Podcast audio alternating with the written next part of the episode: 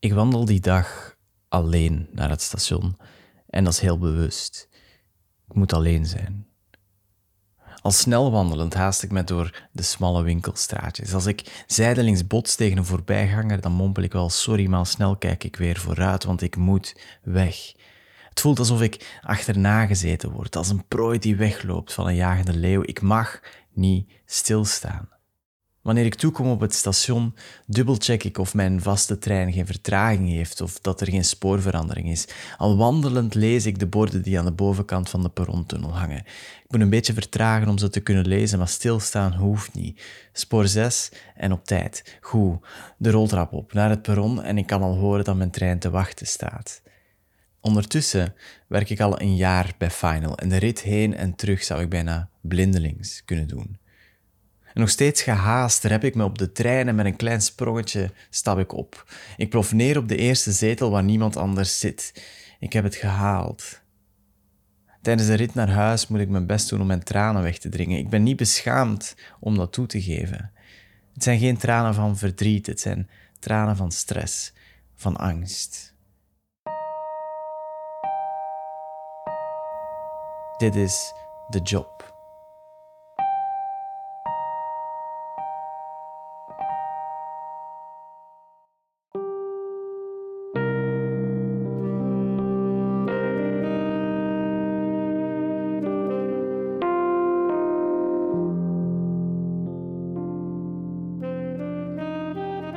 De dag was begonnen zoals elke normale dag.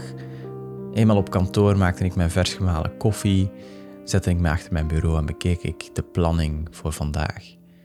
Ik begon meestal met de kleine dingen, eh, als die er al waren. Altijd eerst die kleine stomme werkjes afronden voordat ik aan het echte werk van de dag begon. Het echte werk van die dag was verder werken aan een groot platform voor een vrijwilligersorganisatie om al hun evenementen in te onderhouden. Daar werkte ik al een paar weken aan. Het was een uitdagende opdracht. Er gingen makkelijk honderden mensen van over heel België inwerken, maar dat maakte het ook fijn en leerrijk. Maar eerst dus de kleine problemen bij andere projecten. Ik check mijn mailbox of dat er dingen zijn die mijn aandacht nodig hebben. Maar blijkbaar wordt het een rustige, productieve dag. Er is geen enkele mail waar ik dringend mee moet bezig zijn. Dus goed, we vliegen erin. Rond 11 uur ongeveer kwam Veerle, onze projectmanager, aan mijn mouw trekken. Ik schrok op uit mijn concentratie. Ik zette mijn headphones af. Ik programmeer altijd mijn muziek op. Een van onze klanten had haar gebeld over een probleem en ik zou het toch wel even moeten bekijken. En die klant was een grote meubelfabrikant met verschillende winkels over heel België. Ze hadden een soort van contactformulier op hun website. Eh, dat ik een maand eerder had gebouwd. En mensen konden daar hun adres en contactgegevens achterlaten en een beetje informatie over hun wensen. En de code die ik geschreven had, zou automatisch bepalen naar welk kantoor zo'n aanvraag gestuurd wordt, zodat een verkoper in de buurt snel contact kan opnemen. Nu, blijkbaar was er iemand die het formulier een week geleden had ingevuld, maar nog steeds geen verkoper had gehoord. De man in kwestie had naar de meubelwinkel gebeld en zei op hun beurt naar ons. En het was aan mij om uit te zoeken wat er aan de hand was. En velen vertelden mij dat dit uiteraard de hoogste prioriteit had. Hè. Onze klant zit namelijk in een speciale actiemaand, waardoor er veel meer aanvragen binnenkomen. Er was een hele promo-campagne, veel reclame, je kent dat wel. En de klant was al heel proactief geweest. Hadden het e-mailadres van de aanvrager bij de hand, zodat ik de specifieke aanvraag kon opzoeken in onze database en kijken waarom dat er geen mail was gestuurd naar het kantoor. Meestal zijn dit soort problemen, e-mails die niet toekomen, altijd heel makkelijk op te lossen. Ehm, een mail durft al wel eens in spam terecht te komen. En vaak is het dan een kwestie van die nog eens te versturen. Maar toen ik de aanvraag ging opzoeken in onze database, vond ik niks terug voor dat specifieke e-mailadres. Het zou een schrijffout kunnen zijn, dus ik dubbelcheck met velen, maar nee, het is echt, echt het juiste e-mailadres. Ik vraag toch of onze klant zeker is dat de aanvraag echt ingediend is geweest. Want misschien heeft die man nooit op de verzendknop geduwd. En dat klinkt misschien heel banaal, maar zo'n dingen gebeuren dus echt. Maar nee, er is absolute zekerheid. Dus daar zit ik dan toch wel even met mijn handen in mijn haar. Iemand zegt iets verstuurd te hebben, maar ik zie daar niks van terug. En in zo'n geval, om te weten komen wat er gebeurd zou zijn, dan zou je al bijna moeten kunnen tijdreizen. Ja, ik weet niet goed wat ik nu kan doen. Dus ik post toch even bij Nathan, misschien heeft hij een goed idee. En absoluut, blijkbaar was tijdreizen toch nog niet zo'n gek plan. Wat sommige bedrijven doen, is de interacties van een gebruiker op hun website een soort van filmen. Ehm, als gebruiker merk je daar niks van. Maar voor mensen die met marketing bezig zijn, achter de schermen, geeft dat vaak uh, goede inzichten in hoe dat hun website gebruikt wordt en welke verbeteringen dat er mogelijk zijn. En doorgaans wordt er maar een klein percentage van de bezoekers gefilmd. En sommige stukken die gevoelig zijn, worden niet opgenomen. Bijvoorbeeld als iemand een, wachtwoord invult. En let op, dat is niet met uw webcam hè, dat er gefilmd wordt. Het is echt enkel het beeld van de website dat opgenomen wordt, hoe dat uw muis beweegt over het scherm, op welke knoppen dat gedrukt enzovoort. Nu, persoonlijk ben ik geen fan van dat soort praktijken, omdat het toch een beetje op het randje ligt van privacy-inbreuk. Maar ja, deze website had ook zo'n filmprogramma draaien in de achtergrond. En Nathan zei me dat ik daar eens moest gaan kijken, want als ik geluk had, vond ik daar het filmpje van dat e-mailadres wel terug. Het is natuurlijk een gokje, hè, want niet iedereen wordt opgenomen, maar wie weet hebben we geluk. En geluk hadden we. Met hulp van uh, een andere collega die het filmprogramma had opgezet, vonden we de man met zijn e-mailadres vrij snel terug. Maar ik moet toegeven dat geluk al snel omkeerde in een misselijkmakend gevoel.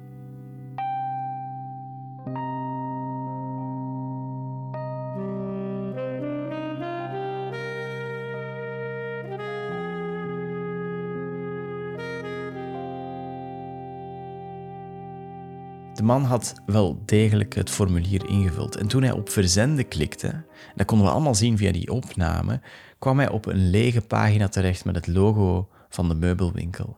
En die man zal gedacht hebben dat alles in orde was, die ging gewoon verder met zijn dag. Maar die lege pagina is niet wat hij had moeten zien. Hij moest op een pagina terechtkomen die hem bedankte voor zijn inzending. Die lege pagina was eigenlijk een teken dat er iets fout gegaan was in de code die ik geschreven had, maar dat wist die man natuurlijk niet. Zijn inzending was dus nooit toegekomen bij het juiste kantoor en wij hadden hem zelf niet opgeslagen, maar niemand wist ervan. Nu, blijkbaar was er een bug al, alweer in ons framework. Ik gebruikte een stukje code dat eigenlijk niet 100% deed wat het moest doen. Een stukje code dat jaren geleden geschreven was door iemand anders. En wanneer een gebruiker een vinkje in het formulier aanvinkte om de nieuwsbrief van de meubelwinkel te ontvangen, ging het mis. Bugs zijn meestal dit soort kleine domme dingen waar je misschien nooit aan zou denken. Dat is ook de reden dat we ze vaak over het hoofd zien. En kleine fouten op zich zijn niet erg. Maar als niemand weet dat er een fout zich voordoet, kan een bug al heel lang onopgemerkt blijven. En dat is ook wat er hier gebeurd was. Dit formulier stond online sinds de start van de grote meubelactie enkele weken geleden. En gebaseerd op de opnames die we van een klein percentage bezoekers hadden, ging het niet over één of twee mensen waarvan de aanvraag niet te goed was doorgestuurd. Het waren er een pak meer heel wat potentiële klanten van wie hun aanvraag nooit in de juiste winkel was terechtgekomen. Hoe vertelt je dat aan uw klant?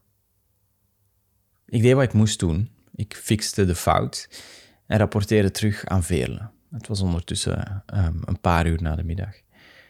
Technisch gezien was het een fout in het framework, maar ik had het ook zelf kunnen voorkomen door mijn eigen code beter te testen. En daar voelde ik mij nu heel slecht over. Maar veel meer kon ik nu niet meer doen. Het was wat het was. Een dag later kwam Hilde naar mijn bureau. En Hilde was de office manager. Ze was al bij Final vanaf het prille begin. Een iets oudere dame waar iedereen respect voor had. En Hilde was altijd rechtuit. Misschien een beetje intimiderend op het eerste zicht, zeker toen ik net bij Final begon. Maar als je haar beter leerde kennen, wist je dat onder die harde bolster toch een heel zachte kern zat. Ze nam een stoel en kwam naast mij zitten en ze zuchtte. Heel de staak bestond er vooral uit om alles rond het kantoor en werknemers te managen. Ze was geen baas zoals Bram of Peter, maar omdat ze al zo lang meeging en zoveel wist, voelde dat wel zo. Ze keek mij aan en vroeg, Sava. En Hilde was een vrouw van weinig woorden. Ik haalde mijn schouders op. Ik, weet het niet. Het komt wel goed hoor, zei ze. Je moet je niet schuldig voelen. Ik glimlachte na een jaar bij Final te werken, wist ik dat Hilde oprecht met mij inzat. Maar toch kon ik het schuldgevoel niet van mij afschudden. Wat zou de klant hiervan zeggen? dacht ik de hele tijd. Hilde ging verder. Het enige wat ik graag van u wil weten, is of je mij kunt zeggen hoeveel inzendingen er verloren zijn gegaan. Ik legde haar uit hoe ik de dag voordien, de hele namiddag, was bezig geweest met de opnames te bekijken van de voorbije maand en hoe ik 24 inzendingen had teruggevonden die fout waren gelopen. En Hilde knikte. Oké, dat is duidelijk. Daar gaan we mee aan de slag. Maak u geen zorgen. Ik mompelde nog een bedankt toen dat ze opstond. Ondanks haar geruststellende woorden voelde ik mij niet echt beter. Ik kon het gevoel niet van mij afschudden dat ik dit had kunnen voorkomen. Als ik nu maar het framework beter had gekend of als ik mijn code maar grondiger had getest. En wat gaat de klant hiervan zeggen? En die gedachten die bleven rondspoken in mijn hoofd. Op de trein naar huis vond ik ook geen rust. Dat zou nog een paar dagen en rusteloze nachten duren. Uiteindelijk hebben we aan de klant gezegd dat we van een kleine 30 inzendingen de gegevens konden recupereren uit de opnames. En daar waren ze tevreden mee. Maar voor mij als jonge werknemer, ik was 22 op dat moment, had ik geen idee over hoe ik dit allemaal moest plaatsen. Ik voelde mij gefaald, ook wanneer mijn collega's de dagen nadien zeiden dat ik mezelf niks te verwijten had. De pracht en praal die Final in het begin had, begon meer en meer af te nemen. Hun eigen framework was toch niet zo goed als ze voorstelden tijdens mijn sollicitatiegesprek. En nu voelde ik me daar enorm slecht door. En gelukkig was er nog wel het heel fijne team met, met toffe, begripvolle collega's, want die hielpen mij er uiteindelijk wel bovenop. Maar ik was niet de enige die met dit soort problemen geconfronteerd werd. Onze projecten begonnen overal barsten te tonen. Kleine foutjes, niet allemaal met zo'n grote impact, maar ook gewoon frustraties over het framework waar wij elke dag mee moesten werken. En alles samen begon een tol te eisen. Op het team, op de sfeer en natuurlijk ook naar de klanten toe. Uiteindelijk zou onze werkwijze een veel grotere impact hebben dan enkel technische fouten. Dat is de volgende keer in de job.